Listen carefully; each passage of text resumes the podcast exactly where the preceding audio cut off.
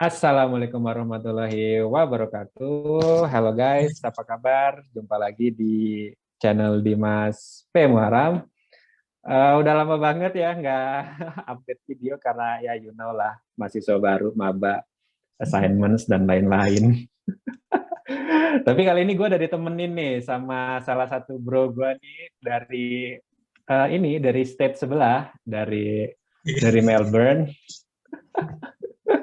kita satu negara jadi tetanggaan cuma yeah. jauh ya beda setengah jam waktunya. Ini ada yeah. bro Muhammad Lutfi. Assalamualaikum bro. Waalaikumsalam Bang Dimas. Waduh gimana nih tetangga nih? Gimana Mones apa kabar di Mones ya Mones seru-seru. Kemarin kita baru ada welcome party buat international student baru aja penutupan hmm. oh itu yang dari AS bukan sih? Oh, itu AS lain lagi. Jadi oh, lain di lagi. AS itu lain lagi. Hmm. Kalau AS itu itu Divet yang nyelenggarain, tapi kemarin itu belum ya? Juni ya kalau masalah ya. Itu Juni ya masih ya? Oh, udah, udah kemarin. Hmm. Oh, udah juga. Ya, udah. Hmm. ya makanya kemarin. kemarin di grup itu kayak anak-anak Melbourne kayak ngomongin itu gitu loh. Iya. Terus di Adelaide kalau salah masih bulan depan deh kayaknya. Giliran. Di center. ya. Baru main ke kota saya kemarin untuk pertama kalinya masuk kota. oh gitu. Iya. di mana di di Selenggarain di mana di Unima apa di Ini, mana? Di Art Gallery Center. Di, Art Gallery di, Center ya. ya. Melbourne Art Gallery Center. Iya. Kalau gua di situ malah ini nih belum pernah main ke suburb-suburb nih. Iya. Makanya kemarin Jadi, waktunya habis foto-foto di stasiun Flinders tuh kan itu stasiun tertua di Aussie. Jadi benar-benar kayak orang udik lah main ke kota foto-foto gitu. Stasiun stasiun Flinders mana? Di Flinders Street namanya Flinders Street. Oh, namanya Flinders Street. Ya. Oh, Oke. Okay. Ya. ya teman-teman, jadi Lutfi ini um, juga salah seorang Australia Award Scholar, jadi penerima AA, beasiswa AAS. Jadi ya. kita sebetulnya angkatan apply-nya sih beda ya. Ya. Duluan Lutfi gitu kan, cuman jadi dia nyangkutnya ya. lebih lama daripada saya. Kita disatukan oleh pandemi. Gara-gara pandemi ya. Cuman akhirnya berangkatnya bareng, alhamdulillah berangkatnya yeah, bareng. Ya, dan sempat pas berangkat sempat kena COVID juga sebentar ya. Iya kena, jadi sempat kena dulu. Wah betul-betul yeah, solidar ya COVID-nya ya, sampai. ya dan dan kita di sini mau sharing nih, jadi uh, kan ada beberapa pertanyaan nih masuk ke saya nih karena kemarin-kemarin saya itu uh, sharing tentang AS, cara pendaftaran dan lain-lain. Terus semenjak datang sampai di sini belum sempat bikin video lagi mengenai apa beasiswa. Uh, nah sekarang kita masih ada nih pembukaan namanya itu program ELTA atau kepa, apa kepanjang kependekan dari English Language Teaching eh sorry assistant sebenarnya ya, English Language Teaching training Assistant ya.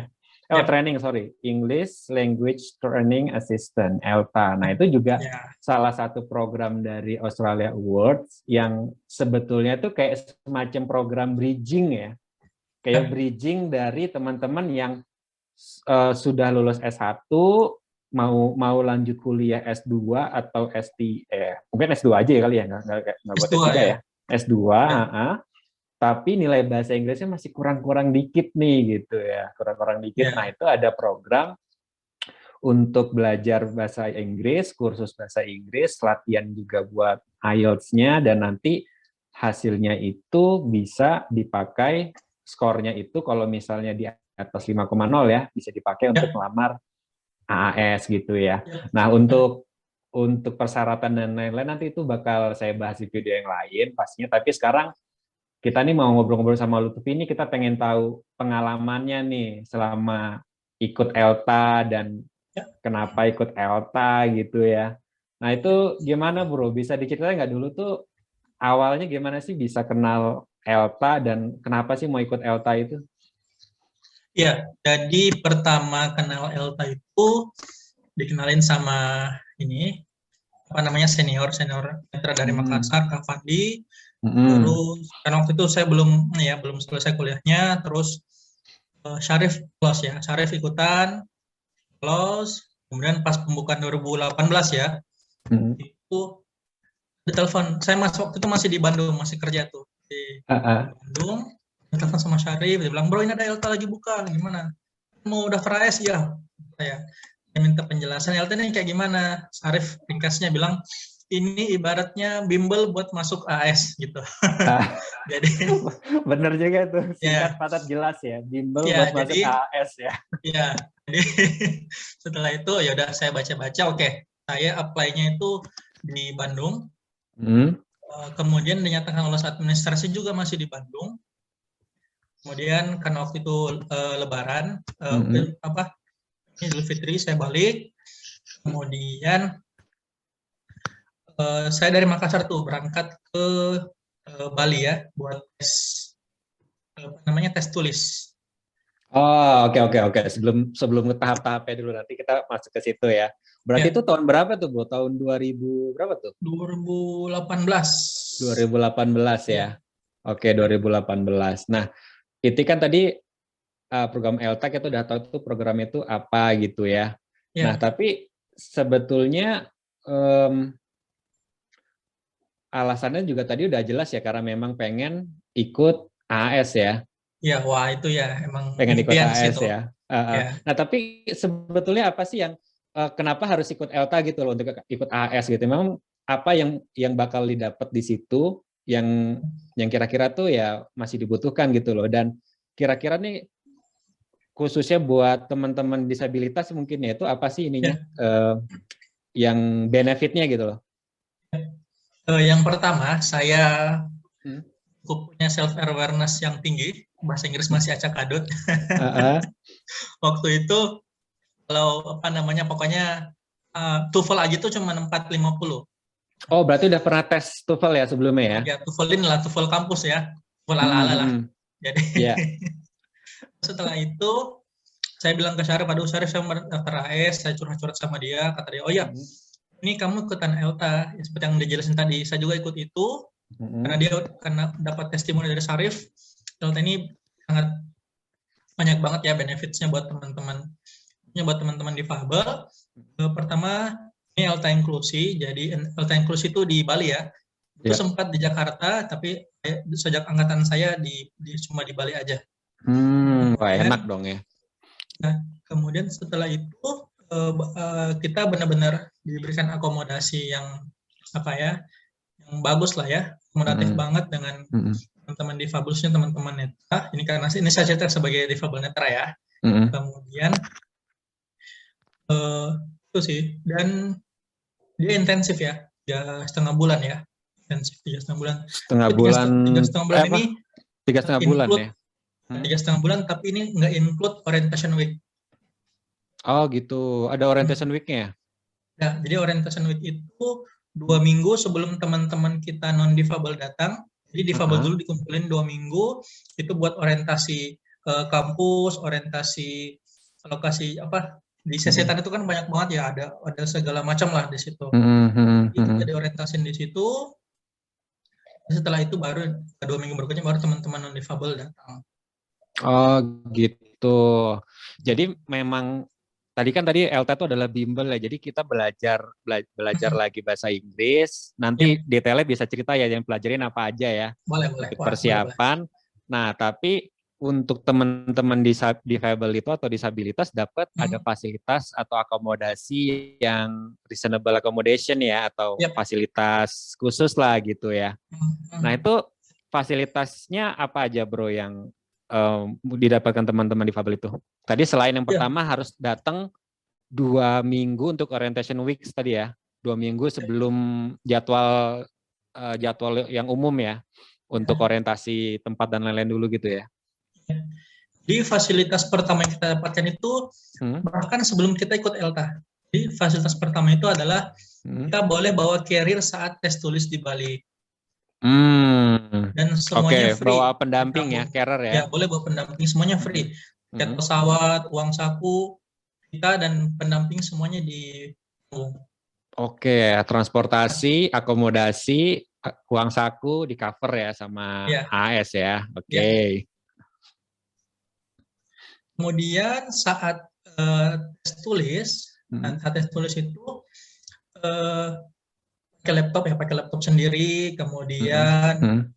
semuanya disediakan, disediain. Jadi Hmm. waktu seingat saya itu angkatan saya ada sekitar 30 ya 30 orang yang ikut. Hmm. Hmm. Jadi ruangan itu memang disetting satu meja, satu kursi, satu colokan. Itu benar-benar Ah. sangat ah. friendly banget lah. Jadi buat teman-teman yang netra yang butuh alat bantu juga di ini, akomodasi ya. Jadi Eh. Mengerjakan soalnya juga dengan tadi apa pakai laptop, pakai screen reader Ya. gitu ya. Ya. Hmm, hmm, bahkan kalau eh, bahkan untuk yang laptopnya rusak itu akan dipinjemin. Oke, oke. Jadi buat teman-teman yang mungkin ragu kalau aduh gue nggak punya laptop nih, nggak nggak usah khawatir ya, buat ikut ya. Ya. Malah mau pakai penting- braille juga boleh karena mereka punya mesin Oh, braille. Oh gitu. Oke, Ya, kalau mau- berarti Uji nyali, hmm. mending pakai braille. itu boleh. Mereka siapin. ya mungkin itu yang tangannya cepet banget geraknya ya, gitu ya. Oke, oke. Pokoknya apa pun yang dibutuhkan coba diakomodir ya untuk Ya. untuk proses seleksinya aja sudah diakomodasi ya. Mm-mm. Terus apa lagi bro? Eh, Kemudian ini eh, saat tes, saat tes itu eh, apa namanya semuanya dibantu ya, dibantu dengan hotelnya pun mulai dari apa namanya saya curiganya ya curiga saya sih mungkin petugas hotelnya tuh sudah di brief sama pihak Hmm. eh, AAE AI Mm-mm. Eh, jadi mereka benar-benar melayani kita tahu kita butuh apa butuh apa kan waktu itu saya sempat puasa di Bali saya minta dibawain sahur jam 3 subuh itu boleh saking akomodatifnya akomodatifnya Iya iya iya. Mm-mm. Apa namanya itu sih saat tes aja udah udah menyenangkan sekali ya Mm-mm. termasuk juga taksi kita dipesenin jadi kita tinggal keluar naik taksi pulang juga dijemput naik taksi ke hotel itu yang pertama Hmm. sejak tes kemudian Ha. setelah itu setelah alhamdulillah tesnya tuh saat itu tesnya tuh ada beberapa macam Mm-mm. pertama tes eh, writing ini writingnya mau ditanya apa pendapat opini Terus ini Mm-mm. kalau di IELTS dia tas dua Oke. IELTS. Oh yang essay ya. ya. Kemudian Mm-mm. ada structure Ah-ah. tapi structure ini, ini Kayak kayak kayak dia TOEFL cuma gitu. simple ya mirip TOEFL tapi Mm-mm. simple Kayak fill in the blank dia gitu. hanya seputar dia hanya tiga tense sih yang dipakai di situ ya cuma simple past, Mm-mm. present, sama continuous. Oke, oke. aja, Suruh suruh suruh ini ya, fill in the blank gitu ya. Ya, kemudian Hmm, it- hmm, hmm, itu hmm. pun dia eh, pilihan ganda sih. Oke, oke. Ya kayak mirip-mirip kayak TOEFL lah ya. Dan Ada Hmm. tes apa lagi ya? Seingat saya listening ya ada listening tapi ini sih listening seingat saya ada listening. Mm-mm. Kemudian ada tes eh, besoknya itu ada tes eh, wawancara. Ah, wawancaranya ini bagian dari tes bahasa Inggrisnya atau karena lolos tes bahasa Ing- te- les yang apa? Lolos tes yang tiga tadi itu? Jadi iya setelah lolos tes yang tiga itu Mm-mm. dinyatakan qualified baru Hmm. masuk baru beranjak ke tes wawancara. Oh, Oke, berarti wawancara ini bukan tes speaking ya? Bukan, bukan. bukan. Oke, berarti berarti untuk seleksi sendiri tadi yang pertama itu kan eh, setelah seleksi administrasi ya, teman-teman ngisi Hmm. form dan lain-lain gitu kan. Dinya- dinyatakan lolos administrasi, terus Yep. eh, diundang buat tes tertulis. ya, Tes tulisnya tadi ada eh, kayak bikin essay, terus structure ya, sama listening ya. Ya. Nah, setelah itu lulus, nanti baru eh, maju ke tahap wawancara ya. ya. Jadi ada tiga kriteria, ada tiga jenis peserta. Nanti ada yang Mm-mm. uh, qualified, ada yang Mhm. under qualified, ada Ah, yang juga dia uh, apa? ya, pokoknya di atas qualified lah, lebih dari qualified gitu. Yang over itu nggak masuk juga ya? Over nggak masuk, over qualified nggak masuk. Hmm. Jadi seingat saya itu kalau kata teman-teman itu IELTS-nya berkisar 4,0 sampai 4,5 lah itu yang qualified. Oke, oke, oke. Kira-kira kalau di scoring ya, kira-kira Mhm. gitu. Jadi kamu nggak usah khawatir listeningnya gimana ya nggak usah, nggak usah jawab semuanya benar. Gitu. Benar semua udah nggak usah ikut kata lagi. Tapi jangan disengaja salah-salahin juga ya. ya jangan juga salah-salahin sih. Ya. Nanti Jadi malah yang namanya, disalahin, nanti malah yang dianggapnya benar malah ternyata salah lagi gitu. Iya. Jadi jawab aja sesuai kemampuan. Saya juga waktu itu Ah. saya nggak bener-bener ini bang Dimas ya. Mm-mm. Ada les bahasa Inggris, nggak ada apa, bener-bener pur. Mhm. Jadi Mm-mm. apa hanya kebiasaan aja waktu di kampus, kebiasaan sekitar paksaan membaca Mhm. artikel bahasa Inggris di terjemah itu aja. Selebihnya nggak ada. Tonton nggak usah khawatir tesnya inilah simple lah. Pokoknya uh, ya karena kan tujuannya untuk mengimprove uh, skill bahasa Inggris ya kalau memang yeah. teman-teman yeah. itu memang membutuhkan itu ya pasti yeah. masuk kategori qualified ya tapi kalau ya. misalnya yeah. under qualified ya berarti ya tingkatin lagi dikit yeah. ya kan yeah. biar masuk ke qualified tapi kalau over qualified ya udah ikut udah. tes IELTS atau TOEFL sendiri aja ya kan yeah. langsung daftar langsung aja, aja ya iya kalau jago nggak usah ikut ELTA jadi, uh, uh, uh. jadi untuk okay. orang-orang yang yang self awareness yang tinggi kayak saya tuh jadi aduh masih mm -hmm. Butuh improve nih gitu oke okay. nah di wawancaranya ngapain aja bro wawancara itu seingat saya ada tiga pewawancara pertama oh, satu dari ya? pihak Australia Award Indonesia waktu itu Bu uh -huh. India Indi -hmm. terus satu Bu Ani Bu Ani adalah koordinator program Elta Inklusi oke okay. sama satu itu seingat saya Caroline Caroline ini dia uh, pimpinannya ILF Bali. Dia Oh, uh, ada bulenya berarti ya. Ya. Jadi wawancara itu mix, jadi mix hmm. bahasa Inggris sama Indonesia. Oh, jadi wawancara juga nggak nggak full English juga ya atau Enggak. full bahasa Indonesia? Saya kemarin tuh 7525 ya, 75 Indonesia, 25 mm -hmm. Inggris. Hmm, ya berarti tapi kalau pas yang si bulenya nanya harus coba pakai Inggris juga dong. Ya, ya. Oh, oh gitu modelnya ya. juga sih jawabnya kan masih acak adut banget. nah itu ditanyain lebih ke apa sih kalau pas wawancara itu? Tentang uh, kenapa daftar ELTA, apa rencananya setelah hmm. ELTA, ditanya hmm. AS mau daftar di mana, kampus apa yang kamu mau daftar, ah, dan gitu. kenapa mau daftar itu. Jadi ini juga syarat hmm. dari teman-teman yang ikut angkatan sebelumnya. Hmm. Ada baiknya teman-teman ketika mau daftar ELTA, hmm. udah tahu nih, saya mau ke kampus mana, jurusan hmm. apa yang saya mau. Jadi hmm itu yang saya dengar juga dari teman-teman bisa jadi poin plus bahwa oh hmm. di X ini dia udah tahu nih dia mau ke kampus apa dia udah jelas nih rencananya mau ke mana gitu. jadi sudah punya uh, plan gitu ya sudah punya plan, ya. perencanaan ya. ya karena kan kalau nggak salah di formulirnya juga udah ditanya tuh uh, tujuannya pengen buat apa ikut Elta terus juga tujuan kampusnya nanti mana gitu kan kalau ya. nggak salah udah ya. udah ada itu tuh kalau nggak salah tuh ya, ya. di formulirnya Oh Walaupun gitu. setelah Elta mau daftar hmm. lain juga boleh. Iya iya betul betul. Pokoknya fair banget ya pokoknya ya. ya. Oke nanti setelah lulus wawancara gimana bro?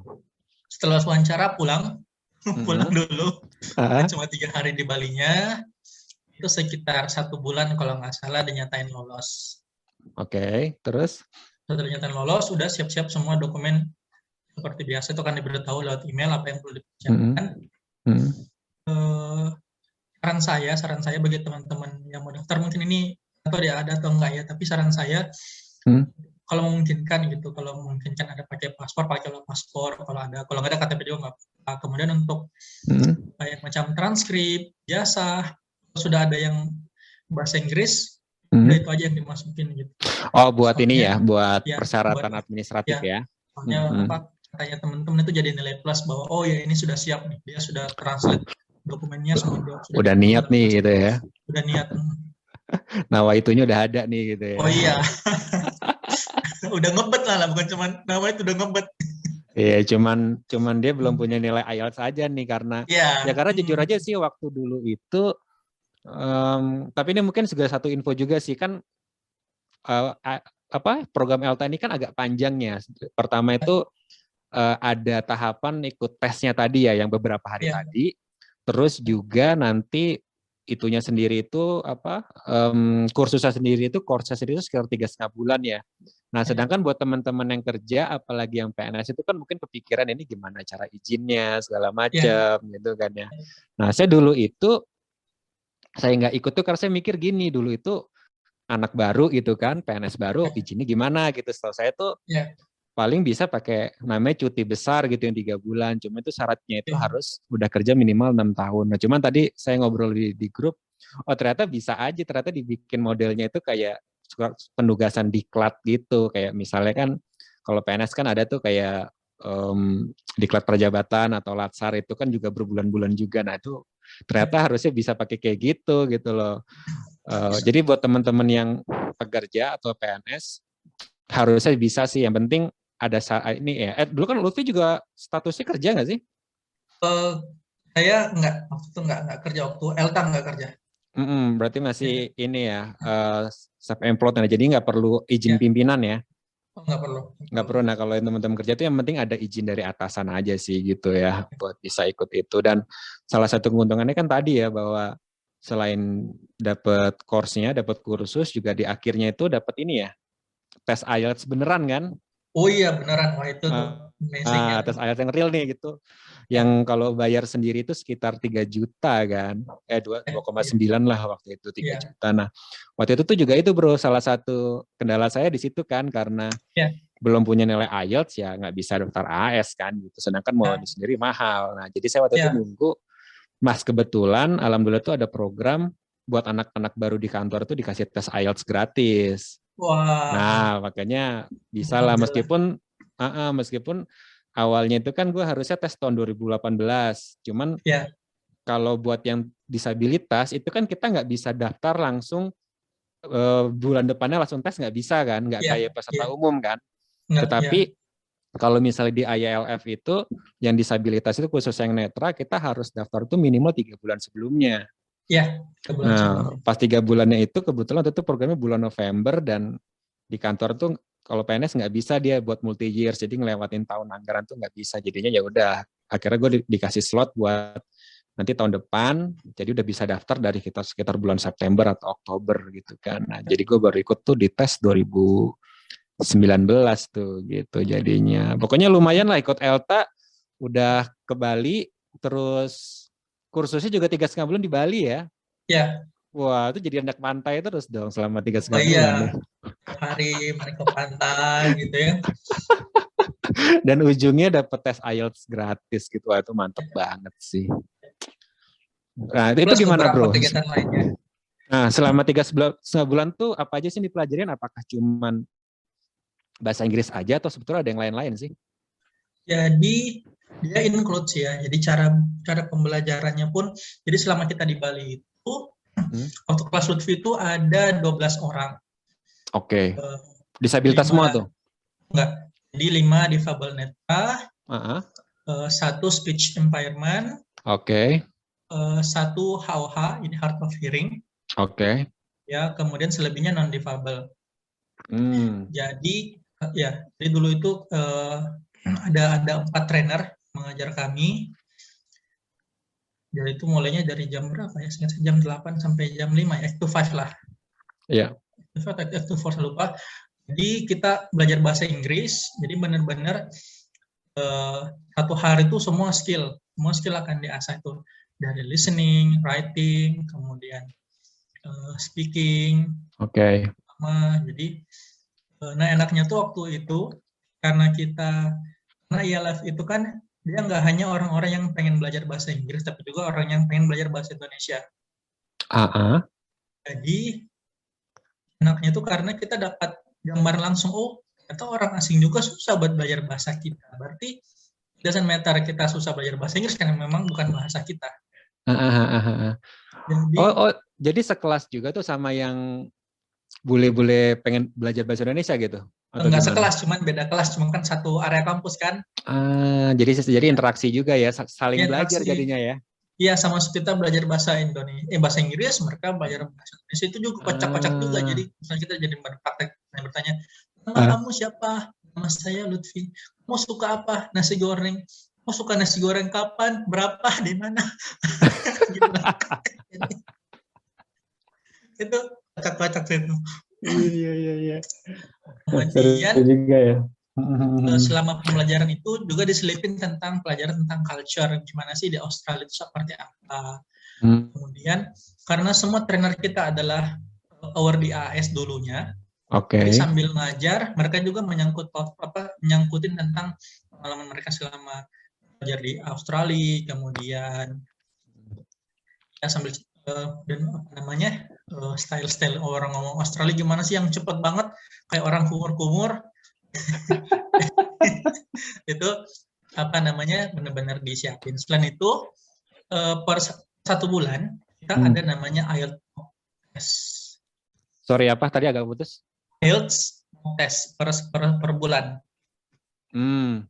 Jadi kita ada simulasi IELTS misalnya satu bulan pertama kita ada IELTS mock test satu, itu benar-benar okay. dibuat seru itu simulasi tapi benar-benar dibuat serupa IELTS nah, dari situ kita lihat oh nilai saya sekian nih nilai saya sekian nih progresnya bisa bisa dipantau sama trainer-trainer kita dan mm -hmm.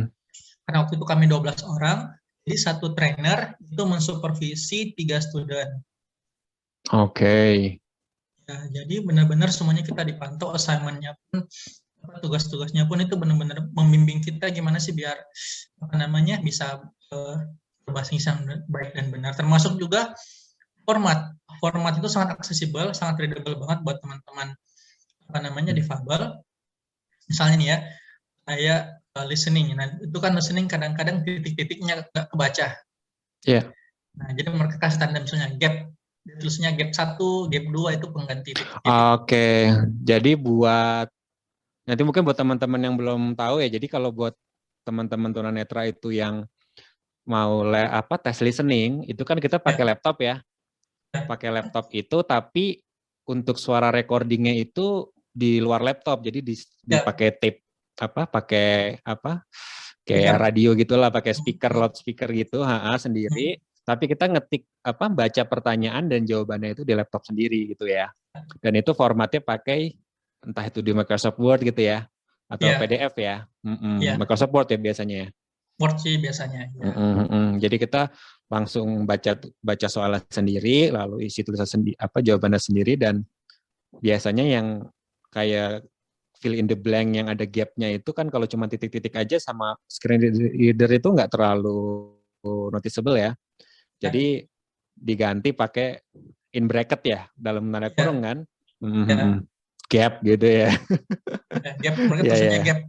Mm.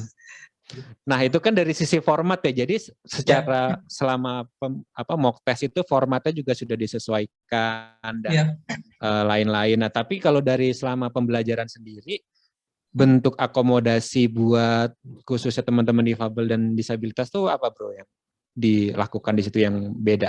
Ya, pertama buat uh, assignment kita dikasih waktu lebih panjang dikit misalnya di lebih 15 menit buat membuat okay. teman-teman menyelesaikan tugasnya karena tugasnya hmm. juga kan hmm. tugas kecil-kecil nggak nggak apa uh, standar lah jadi memang benar-benar kita mulai belajar uh, structure kemudian bela belajar apa segala macam grammar dan segala macam itu saya sih berasa ini ya nggak berasa belajar bahasa Inggris jadi hmm. enaknya di IELTS itu di ELTA kemarin kita nggak belajar bahasa Inggris sebagai pengetahuan itu bahasa Inggris sebagai skill.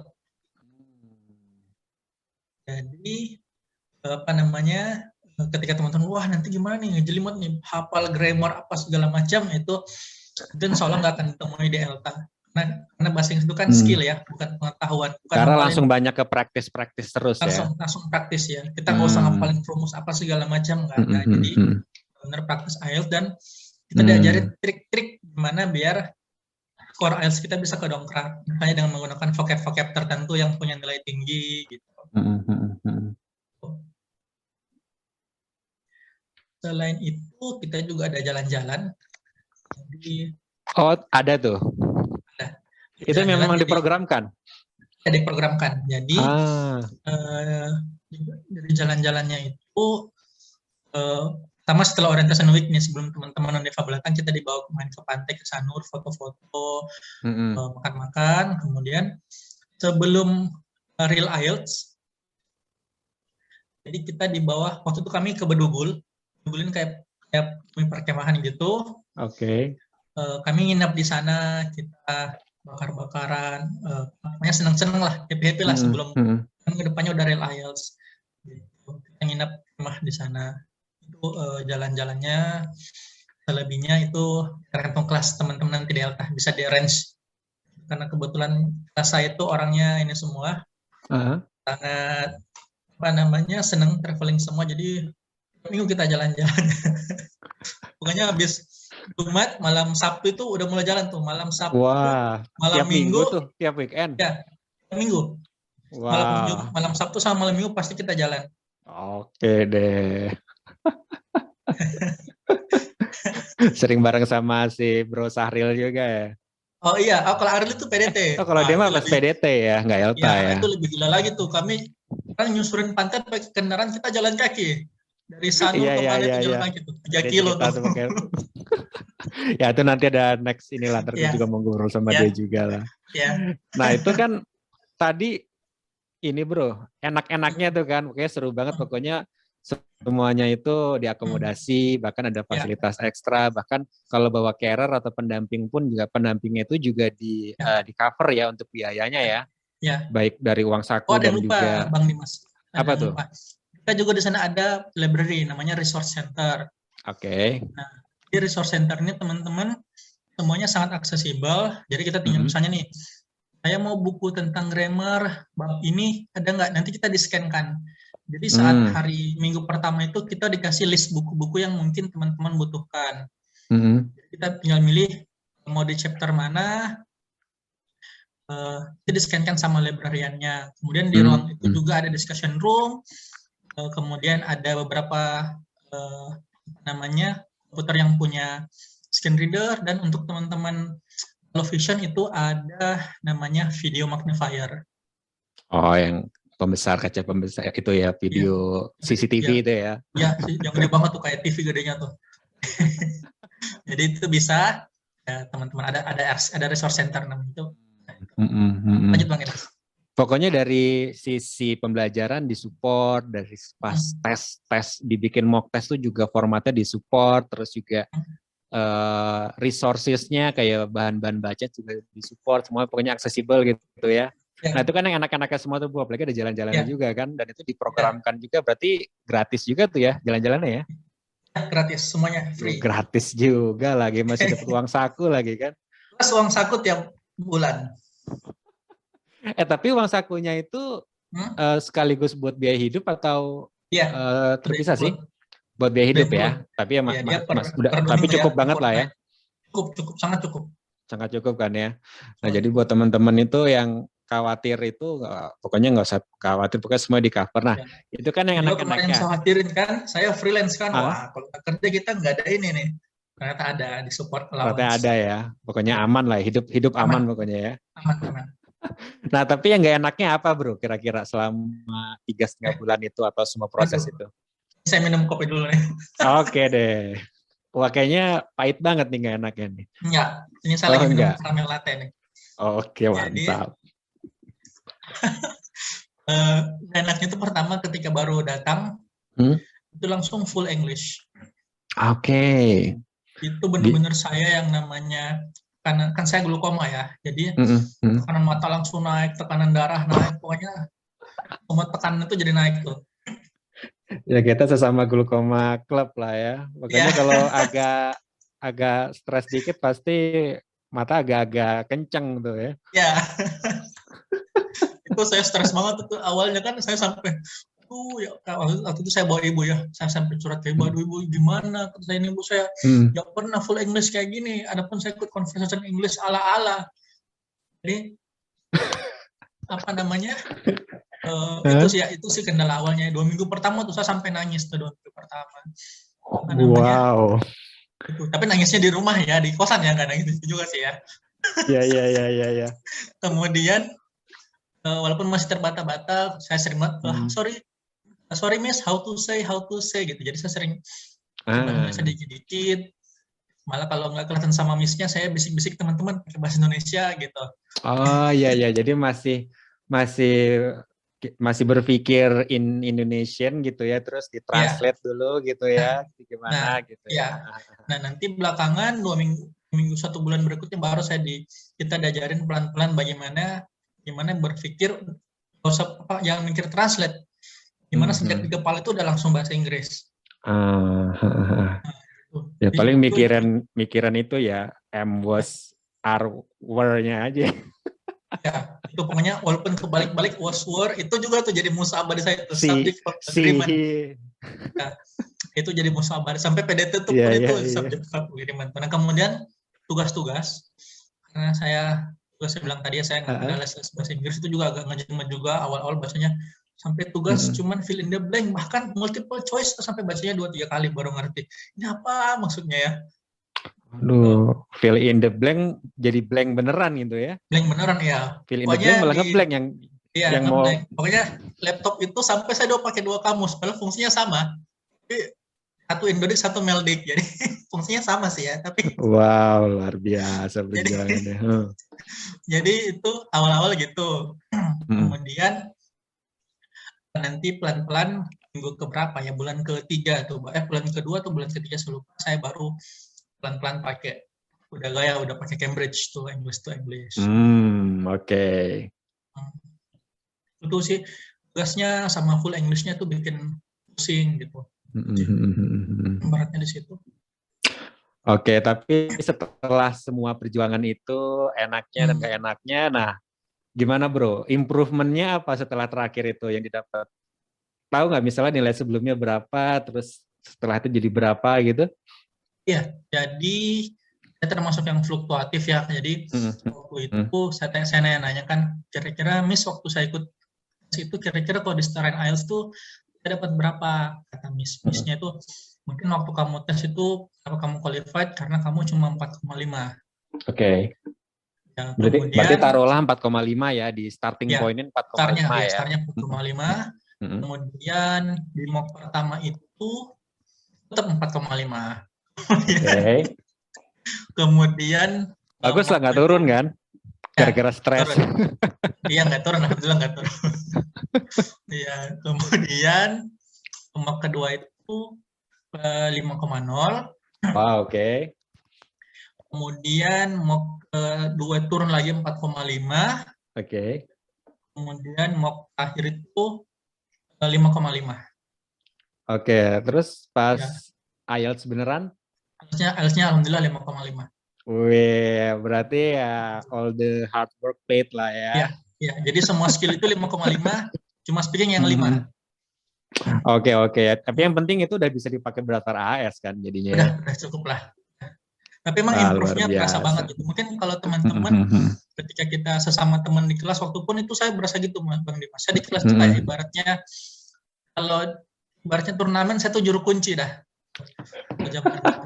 Karena sampai yeah, yeah, yeah. Uh, supervisor saya pun misalnya tuh aduh tuh gimana? Kata dia. Ini kamu hmm. apa namanya taruh tanda baca aja salah. Kemudian.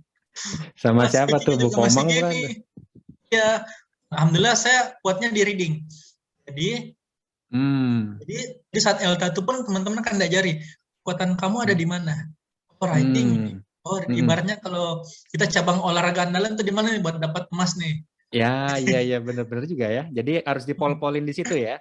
Iya, jadi harus dipol-polin di situ karena lebih kuatnya hmm. di reading. Hmm. Itu jadi saya benar-benar nih di reading, kemudian uh, kelemahan saya itu ada di speaking sama writing ya. Hmm, hmm. hmm. Ya, jadi, itu kayaknya umum lah semua orang kayaknya umum ya, banget gitu. Ya. Apalagi speaking kan itu pertanyaan apa ini jadi tiba-tiba aja ngeblank gitu. Nah, jadi ya apa itu sih kalau apa selama itu alhamdulillah uh, tercapai lah. Mm -hmm. Tapi improve-nya berasa. Tapi memang ketika dibandingin sama teman-teman sekelas nggak akan berasa improve-nya. Tapi kalau kita bandingin sama teman-teman mm -hmm. yang dalam tanda kutip yang nggak belajar bahasa Inggris, improve-nya berasa banget. Mm -hmm. Iya, tapi teman-teman cukup cukup apa diketahui aja sih nih kalau tadi Lutfi kan cerita dia benar-benar merasa apa juru kunci ya istilahnya ya. Iya. Bahasa juru kunci, terus struggling, akhirnya bisa improve nilai IELTS, terus akhirnya dia pakai buat ngelamar AAS dan sekarang Lutfi ini ada di kampus yang masuk dalam top 8 lah ya, kampus yeah. top di di Australia gitu di Monash University gitu. Kan? Jadi Hah? Ya, ada kan? ada mah masuknya di juru kunci dari grup of eight aja lah. Ya, yang jelas masuk lah. yang penting masuk gitu kan meskipun yeah. di bawah. Tapi kan marketingnya sama, bilangnya uh, one percent top university in the world.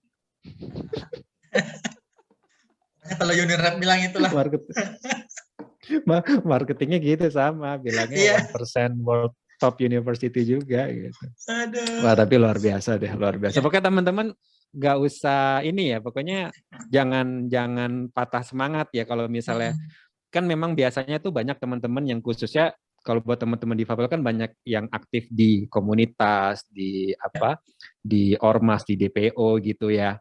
Yang teman-teman yang punya kontribusi yang luar biasa banget buat komunitasnya, buat masyarakat, buat apa, buat lingkungan gitu ya. Tetapi butuh improvement, butuh skill baru, butuh ilmu-ilmu baru, tetapi mungkin kendalanya biasanya dari bahasa Inggris gitu kan.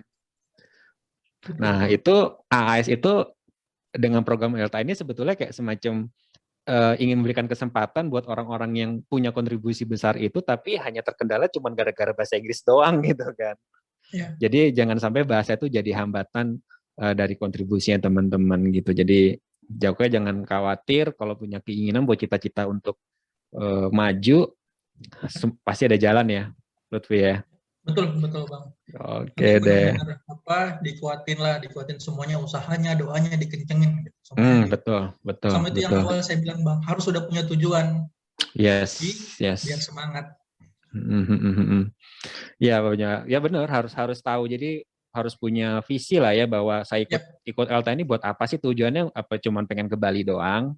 Atau emang pengen belajar bahasa Inggris doang gitu? Tapi harus tahu bahwa Elta ini memang dari awal pun di di marketingnya dia di flyernya itu sudah dibilang ya. bahwa ini untuk persiapan. Ya tadi ya bimbel AS ya. Ya udah di setup gitu buat udah di setup begitu jadi pathway-nya ke situ gitu. Jadi ya. teman-teman juga harus pahami itu juga dan ya. uh, harus menunjukkan bahwa memang teman-teman itu ikut ini karena memang ingin melanjutkan studi S2 S2 gitu dan ke Australia gitu. Aduh bro ini pokoknya daging semuanya obrolannya keren banget Waduh. dan saya yakin teman-teman banyak belajar banget ini dari pengalaman Lutfi. Jadi yep. uh, untuk tahun 2002 ini sih uh, masih sampai tanggal 22 Mei ya kalau nggak salah yep. untuk uh, pembukaannya. Dan tapi saya yakin ini juga masih masih bakal valid sih untuk tahun-tahun berikutnya juga gitu kan kalau ya. teman-teman yang baru nonton. Jadi buat teman-teman yang mau eh, lanjut S2 tapi masih ada kendala bahasa Inggris yang kurang-kurang dikit gitu ya. Tapi ya. kalau kurangnya banyak ya belajar sendiri dulu ya gitu. Tapi ya. kalau tinggal kurang-kurang dikit nah ini ikut ya. ini nih gitu ya ikut ada program ELTA dan nanti bisa lanjut baik itu pakai AS atau karena karena IELTS-nya itu ya IELTS umum gitu ya, IELTS akademik yeah. IELTS dan itu bisa dipakai buat ngelamar ke mana pun gitu ya, yep. uh, gitu. Oke, okay. Lutfi tinggi banget ya buat sharingnya. Yep, Bang sukses, sukses buat ini studinya. Juga sama doain doain gua juga. Ya siap sama-sama nih saling doain nih. iya nanti kita bikin obrolan yang lebih seru lagi ya soal studi siap. kita di sini ya. Siap siap. Teman-teman. Oke okay. oke okay, thank you bro ya. Siap, ya, thank you Bang Ari. Bang, Bang, terima kasih. Salam sama semuanya. Ya, salam. Oke, itu teman-teman obrolan saya sama Lutfi. Uh, nantikan video-video saya berikutnya di Scholarship Journey. Um, Mudah-mudahan ini bisa menginspirasi, memberikan banyak pelajaran dan jangan lupa buat yang belum subscribe, kalau subscribe. Uh, kalau suka klik like dan di share ke teman-teman yang lainnya. Oke, okay, uh, Dimas Prasetyo Morami signing out and see ya.